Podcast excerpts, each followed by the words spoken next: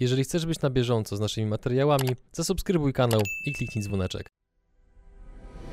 Partnerami kanału są Eprosument SA, instalacje fotowoltaiczne dla firm, DPD, Twoi eksperci w doręczaniu, IBCCS Tax, spółki zagraniczne, ochrona majątku, podatki międzynarodowe, SoFinanse, eksperci w dziedzinie finansów. Linki do partnerów w opisie materiału. Dzień dobry drodzy widzowie, Adrian Gorzycki, Przygody Przedsiębiorców. Witam Was w kolejnym odcinku naszego programu, gdzie tym razem naszym gościem jest...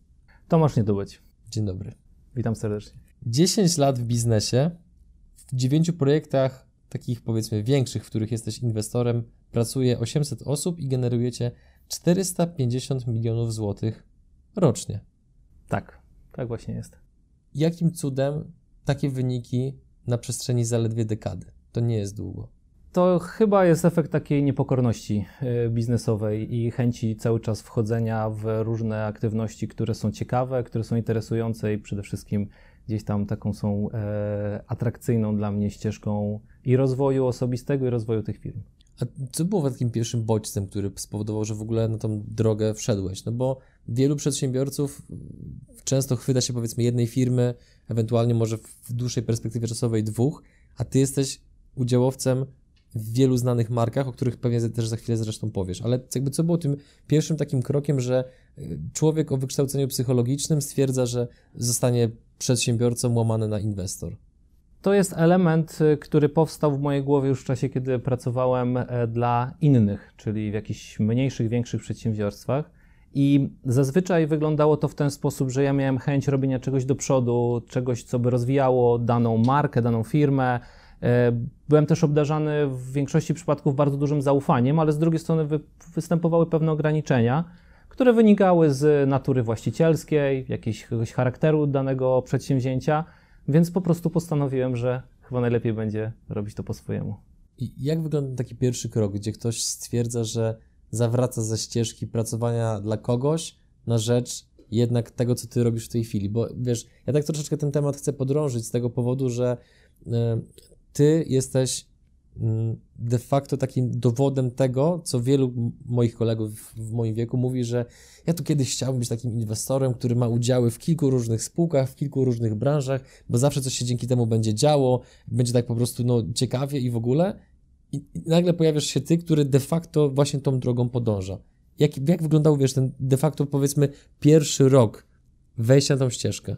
to może ja powiem na początku o tym, że ja inwestorem to się stałem dopiero z czasem, mhm. E, bo przede wszystkim ta inwestycja to była najpierw czasowa i taka operacyjna typowo, to znaczy ja rozwijałem te biznesy realnie. E, oczywiście nie sam, e, zawsze udawało mi się znaleźć i spotkać na swojej drodze fantastycznych wspólników i tutaj naprawdę mało mam takich przykładów, które by powiedziały, że, że spotykałem osoby nieodpowiednie to, to może jakiś taki traf, e, mhm. bo nigdy nie, nie dobierałem ich pod kątem kryteriów, nie robiłem sobie checklisty. Ten mhm. spełnia, tamten nie spełnia. Zawsze to było takie trochę dotarcie w boju.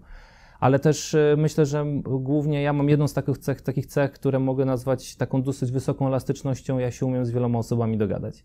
Więc e, bardzo różni wspólnicy w bardzo różnych biznesach i dalej się jesteśmy w stanie dogadać. Więc to jest taki element. Natomiast wracając do tego, jaki był ten pierwszy raz. E, ten pierwszy raz to był taki, że e, przyszedł kolega, e, z którym pracowaliśmy wspólnie w dwóch różnych firmach, ale nad jednym projektem i powiedział, słuchaj, może byśmy coś takiego zrobili razem. I ta moja decyzja była trochę na zasadzie, jak to Branson czasem mówi, screw it, let's do it. I tak to poszło, że nie miałem jakiejś takiej głębokiej analizy tego, w co wchodzimy, e, jak wchodzimy e, i z czym to się będzie wiązało. Oczywiście miałem generalne przeświadczenie o tym, że ten podział, który sobie na początku ustaliśmy, że ja daję pieniądze i trochę pracy operacyjnej, a druga strona daje tą gro pracy operacyjnej będzie trwały, on nie był trwały, bo każdy startup ma to do siebie, że ustalenia nie są trwałe. E, natomiast, e, natomiast e, to był ten pierwszy raz i on, jakby ja go wspominam bardzo dobrze, mhm. jak to z pierwszym razem. No Okej, okay. to, to jest chyba wyjątek od reguły, a nie, nie drążmy. Ale powiedz, ile swoich prywatnych pieniędzy włożyłeś w różne przedsięwzięcia na przestrzeni minionych lat? No bo to też jakby pokazuje, że nie jesteś inwestorem, który włożył 100 tysięcy i mówi, że jest inwestorem, tylko mówiłeś przed naszym jeszcze wywiadem, że no, włożyłeś trochę więcej. No razem z pieniędzmi, które e, w czasie tym zarobiliśmy i także straciliśmy, e, to mm, dobijamy, myślę, że dobijam już gdzieś do 10 milionów złotych prywatnych, prywatnych środków. Jak mentalnie podchodzi się do inwestowania swoich ciężko zarobionych pieniędzy w przedsięwzięcia, które niekoniecznie muszą się udać? Myślę, że tak samo jak do inwestowania cudzych, bo ja, jest, ja się wywodzę z takiego kręgu, że tak powiem, kultury mhm. inwestowania czyichś pieniędzy, e, bo mm, kiedyś nie miałem swoich, a z drugiej strony dostępność na rynku e, różnych opcji inwestycyjnych była i finansowania przedsiębiorstw była bardzo ograniczona. W związku z tym zawsze dostawałem od ludzi pieniądze niejako w powiernictwo. Masz, ale nie strać. E, I to, I to mnie bardzo mocno ukształtowało, że ten interes inwestora, interes osoby, która mi powierzyła pieniądze, czy temu przedsięwzięciu, które, które współprowadzę albo za które jestem odpowiedzialny, jest, e, jest tutaj na pierwszym miejscu. I ja to traktuję jako wartość, którą, którą się mhm. kieruję. Więc moje jest takie samo jak inwestora. A inwestora jest takie, żeby nie stracił. Mhm. A w, jakie, w jakich markach masz w tej chwili udziały? No, jest to bardzo szeroki przekrój branż, tak naprawdę, i produktów, bo jest i, i, są takie typowe FMCG, e, i są jakieś gastronomiczne projekty, zaraz opowiem jakie. Jest i recykling, e, jest i branża gdzieś finansowa typowo, e, są i spółki growe, więc no, ten przekrój jest bardzo, bardzo szeroki, ale mogę powiedzieć, że też w każdym z tych obszarów, przynajmniej przez jakiś czas, funkcjonowałem operacyjnie i miałem z tym dużą styczność. Oczywiście nie mogę powiedzieć, że jestem ekspertem w tym zakresie, bo ekspertami są ci, którzy to prowadzą na co dzień. Ja już jakby z racji mnogości tych projektów nie jestem w stanie tego robić. Natomiast, natomiast no, nie wchodzę z reguły w branże, których, na których się nie znam. Jeśli w nie wchodzę, to dlatego, żeby się ich nauczyć. Mhm.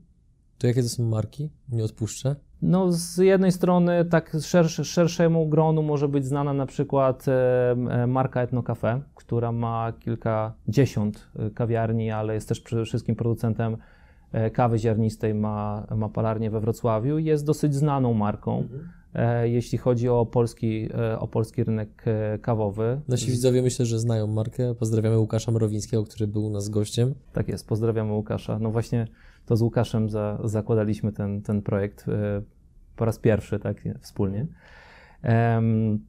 Natomiast, natomiast jest też e, na przykład e, Dr. Brew i w tym momencie już połączony z, operacyjnie z browarem w Tęczynku, a więc i whisky, okowita i wszystkie produkty z tym związane. To tak na, na kanwie. Jest też sieć pierogarni, ciasto i farsz. Jest y, z drugiej strony. Czekaj, są... czekaj, tu się zatrzymajmy, bo powiedziałeś a propos pierogarni, że zrobiliście no, w trakcie pandemii coś, co raczej no, mało komu się mieściło w głowie. No, to ja opowiem może anegdotę o tym. Proszę. Bo ostatnio e, stwierdziliśmy, że no, jak to każdemu przedsiębiorcy w pandemii, e, właściwie każdemu, a na pewno gastronomicznemu, spadły nam obroty. No więc czemu by nie zaaplikować o tarczę PFR-ową? No ale nie możemy o nią zaaplikować, bo co prawda na poszczególnych lokalach, tych, które mają historię, spadły nam obroty, ale otworzyliśmy 10 lokali w czasie pandemii tylko, w związku z tym nie jesteśmy predysponowani do tego, żeby otrzymać tarczę. No bo przecież się rozwijamy i, i, jakby inwestujemy pieniądze, w związku z tym no, nie jesteśmy w tej pierwszej linii frontu, którym się pomaga. Na czym polega Wasza strategia, że w trakcie pandemii, gdzie gastronomia przeżywa ogromne problemy, Wy otwieracie nowe lokale? Macie po prostu tyle wolnej gotówki, czy może model biznesowy, który macie akurat tym przypadku, pozwala zarabiać mimo pandemii? To są trzy kwestie tak naprawdę. Po pierwsze, patrzymy na ten biznes długoterminowo. Nie patrzymy tu i teraz i przez najbliższy miesiąc czy dwa, tylko patrzymy na rozwój sieci, a sieć ma dosyć ambitny plan posiadania 150 pierogarni za 4 lata. Na dzisiaj ma ich prawie 20 po niecałym półtorej roku funkcjonowania i rozpędza się z ich otwieraniem. Zresztą bardzo ciekawy, unikatowy model e, w rozwoju żeśmy tam wprowadzili, więc to oddzielna kwestia, którą możemy sobie poruszyć.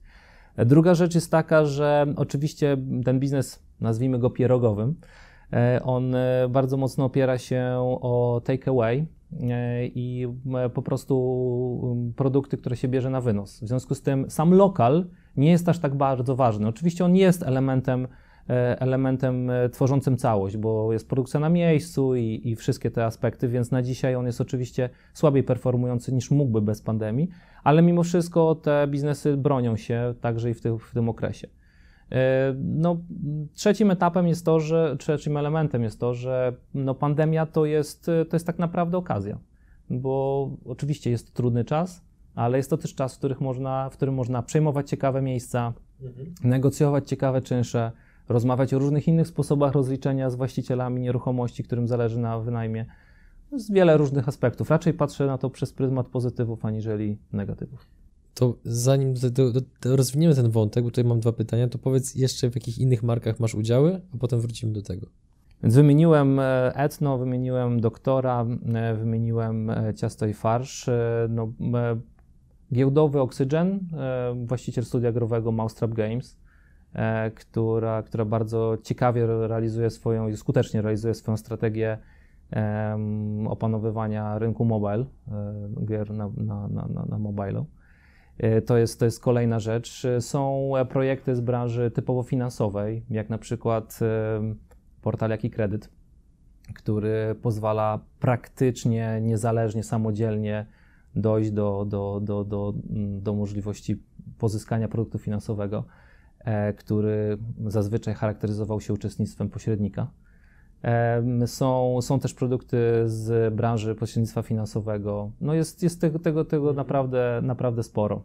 Na jakiej zasadzie dobierasz projekty? Chodzi przede wszystkim o zespół, chodzi o profil działalności, chodzi o powiedzmy trend danego konkretnego sektora, czy jest zwyżkowy, czy raczej zniżkowy. Jak ty na to patrzysz? Jak wygląda ten moment, że podejmujesz decyzję, że ok, w tę spółkę chcę zainwestować? Pierwsza rzecz to jest kwestia ekosystemu, który gdzieś wykształcony przez te ostatnie lata takiego środowiska, w którym pojawiają się różnego rodzaju pomysły i okazje. One czasem są tak zwanymi spin-offami, czyli takim no, bliskim tematem tego, co już się dzieje, mhm. jakąś okazją do postawienia nowego, nowego biznesu albo Mówiąc czegoś. ekosystem, masz na myśli Twoich obecnych partnerów biznesowych. Tak, tak. I te firmy, które już funkcjonują, do nich przychodzą różne propozycje biznesowe, które one na przykład nie mogą podjąć ze względu na to, że są zbyt małe e, albo wymagają odpowiedniej opieki na bardzo wczesnym etapie swojego rozwoju. Więc, e, więc ten ekosystem tworzy różnego rodzaju okazje. I tych okazji jest na dzisiaj więcej niż można było przerobić. Szczerze, to tak jak rynek, na przykład inwestycyjny mówi, mam dość sporo pieniędzy, nie mam wartościowych projektów, tak ja na dzisiaj uważam, że jest bardzo dużo wartościowych projektów wokół mnie, mhm. E, a za to, za to nie na wszystkie wystarczy finansowania.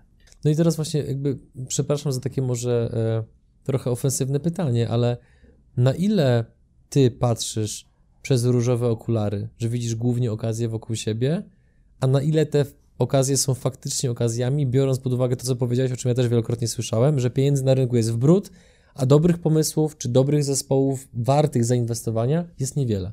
Ja uważam, że w ogóle przedsiębiorca powinien mieć y, taką w, wersję siebie, w której zakłada różowe okulary, bo bez tego niczego nie osiągnie. To znaczy, tam, gdzie inni widzą przeszkodę, trzeba widzieć rozwiązanie. Tam, gdzie inni widzą przeszkodę, E, trzeba widzieć sposób na jej pokonanie i jeszcze dodatkowo zyskanie nad konkurencją. W związku z tym to, są, to, to jest immanentny element oceny, że się widzi pewne rzeczy. Ja mam taką dużą, dużą, dużą łatwość w tym, że e, łączę wątki, a z drugiej strony właśnie widzę okazję. Oczywiście e, dzięki temu, że mam wokół siebie ludzi, bo nie jestem niepoprawnym optymistą, sam się tego nauczyłem, ale z drugiej strony na, na kanwie tych wszystkich już poprzednich doświadczeń, ale z drugiej strony też E, otaczam się ludźmi, którzy są bardziej analityczni ode mnie. Mówią, OK, przeanalizujmy to albo wstrzymaj konie, tak? Jeszcze nie tak szybko, e, a może troszeczkę inaczej. I to jest taka fajna mieszanka.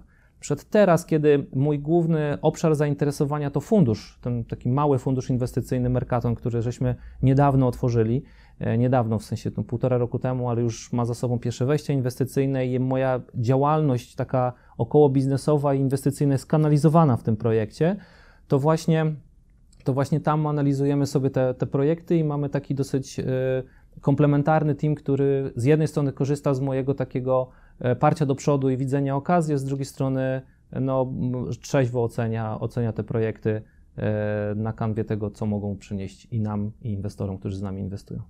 Zanim zapytam Cię od kulis, jak wygląda prowadzenie funduszu, co wydaje mi się jest chyba no, mimo wszystko dla wielu przedsiębiorców wciąż egzotycznym w ogóle projektem, no bo każdy przedsiębiorca z definicji spotkał się i jakby rozumie, czym polega prowadzenie firmy, no ale fundusz to już jest zupełnie inna kategoria, jeżeli chodzi o wykonywaną pracę. Natomiast zanim do tego przejdziemy, to powiedz jeszcze, nawiązując do pierogarni, w jaki sposób wy osiągnęliście, bądź macie tak wysokie tempo rozwoju w tak krótkim czasie? I to jeszcze przy właśnie, w, w, chciałem powiedzieć wsparciu, przy utrudnieniach związanych z pandemią. Utrudnienia to utrudnienia, tak zawsze jakieś są, więc to jakby nie będę się o nich rozwodził, bo to jakby czasowy, czasookresowy jakiś tam e, przeszkadzacz, o tak. Natomiast, natomiast w jaki sposób? No, jest to suma doświadczeń przeszłych, tak? E, w różnych dziedzinach tych gastronomicznych, gdzie na przykład patrzę na to sobie przez pryzmat jakby kosztu inwestycyjnego. Można zrobić lokal za milion złotych, można zrobić go za 200 tysięcy złotych. On, oczywiście to nie jest takie jeden do jeden i nie każdy będzie robił to samo, ale można podejść w modelu y, cięcia tych kosztów, bo nie ten wystrój jest najważniejszy, albo można podejść w modelu robimy tutaj Bizancjum.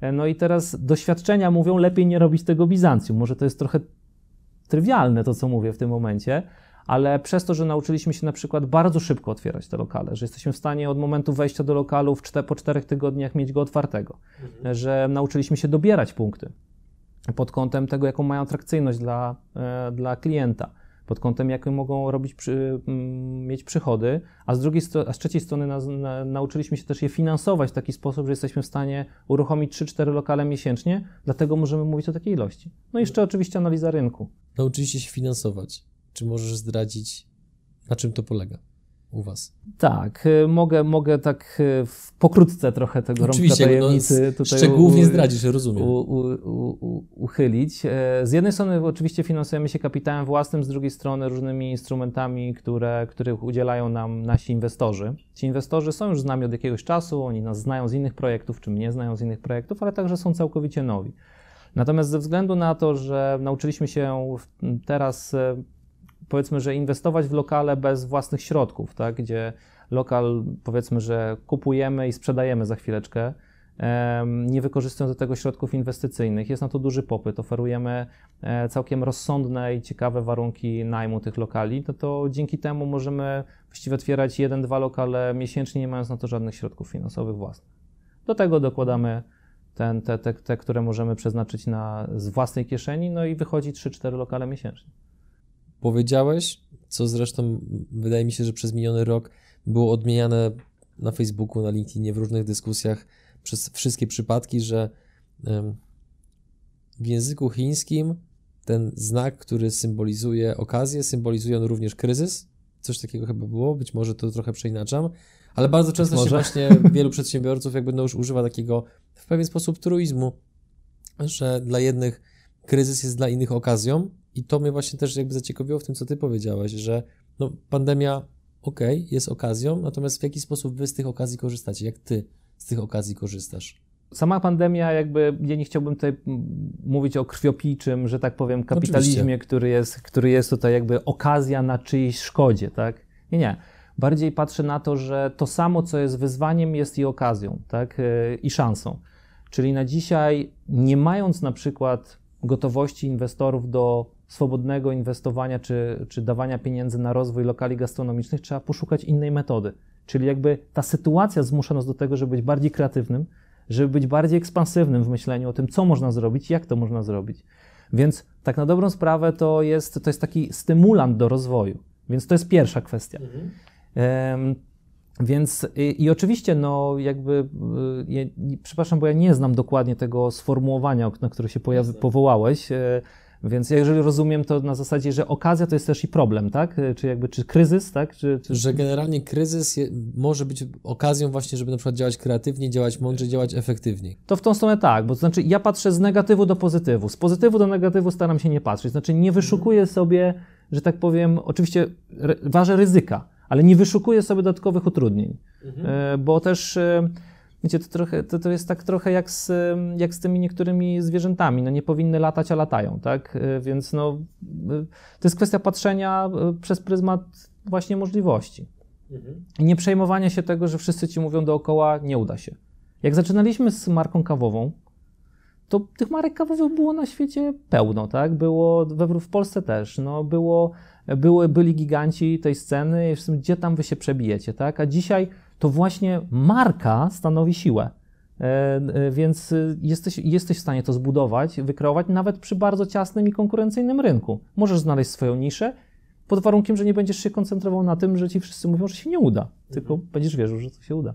A dostrzegasz pewną powtarzalność w negatywnym nastawieniu otoczenia, potencjalnej konkurencji przy wszystkich projektach, w które wchodziłeś? No bo jak rozmawialiśmy jeszcze przed wywiadem, no to powiedziałeś, że kiedy zaczynaliście z Etno, no to brak kibicowania wam jest bardzo dyplomatycznym ujęciem tego, co o was wtedy mówiono. Tak, tak. Ale to też bym podzielił na dwie różne, dwa różne aspekty. Z jednej strony oczywiście zdarzają się takie komentarze, one są dosyć częste, kiedy, kiedy wyznawcy danej branży zabierają głos, mówiąc o pryncypiach pewnych filozoficznych dotyczących tego. Że na przykład kawa to powinna być taka albo inna, a że piwo to powinno być takie albo inne. I koniec. A że to to nie jest innego, to jest produkt marketingowy. Tego, to, to. Powinniście w ogóle tego wytwarzać. I to jest związane z religią pewną, tak, którą oni mają w sobie. I ja, ja tego nie neguję. Wręcz to szanuję, tylko nie tędy droga biznesowa najczęściej. To znaczy, często tam, gdzie jest religia, tam nie ma biznesu, a my w końcu zajmujemy się biznesem, więc jakby szukamy tych op opcji, gdzie ten biznes jest i żeby nie koncentrować się na tym, czy filozofia jedna jest lepsza od drugiej, tylko co daje skuteczność biznesową. Ale z drugiej strony, jakby konkurencja, o której wspomniałeś, to taka anegdota e, mała, która nam się kiedyś wydarzyła, i to nie jest jakby odosobniony przypadek, że firma konkurencyjna w branży, do której weszliśmy, to duża firma w sumie z dużego parkietu e, polskiej giełdy, podstawiła nam dyrektora. I co więcej, ten dyrektor prowadził w nas, w na, nas w niekorzystne kontrakty przez 2,5 roku, zanim się zorientowaliśmy. Naprawdę? Tak, oczywiście. Dodatkowo no, zebraliśmy materiał, detektywów i tak dalej, i tak dalej. Mogliśmy, no, Finalnie decyzja była taka: możemy wejść z nimi spór, ale mają taką siłę, finansową głównie, że przebiją nas krótkoterminowo, zniszczą nas po prostu na tle na rynku tym konkurencyjnym, gdzie mhm. bardzo często cena decyduje i nas nie będzie. Więc póki nie znajdziemy swojej takiej oddzielnej niszy i będziemy wystarczająco silni, to nie będziemy się wdawać w oficjalny spór. A poza tym to koszt nauki. Znaczy ja to znowu, to, to, to trochę takie pokazanie, jak na to patrzę. To była negatywna rzecz. Straciliśmy przez to dużo pieniędzy. Naprawdę dużo. Jak tak dużo? licząc, tak pod 3 miliony euro. Jako firma. To jest dużo. Ale też y, z drugiej strony traktuję to jako, jako element nauki. No, po pierwsze, tak to jest.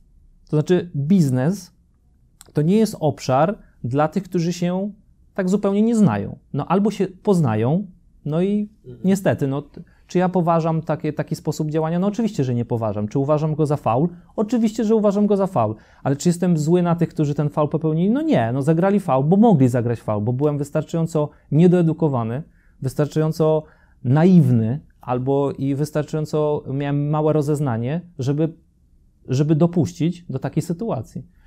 Na biznes jest o skuteczności.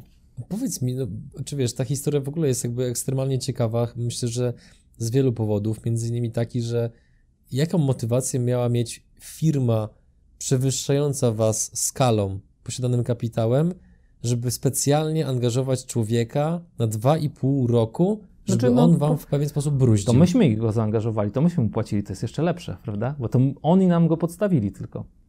E, także, także to jest taka, mhm. taka oddzielna w ogóle historia, tak? Ale. Twoim zdaniem, po co wam go podstawili? Bo czasem jest lepiej być monopolistą na rynku. Czasem.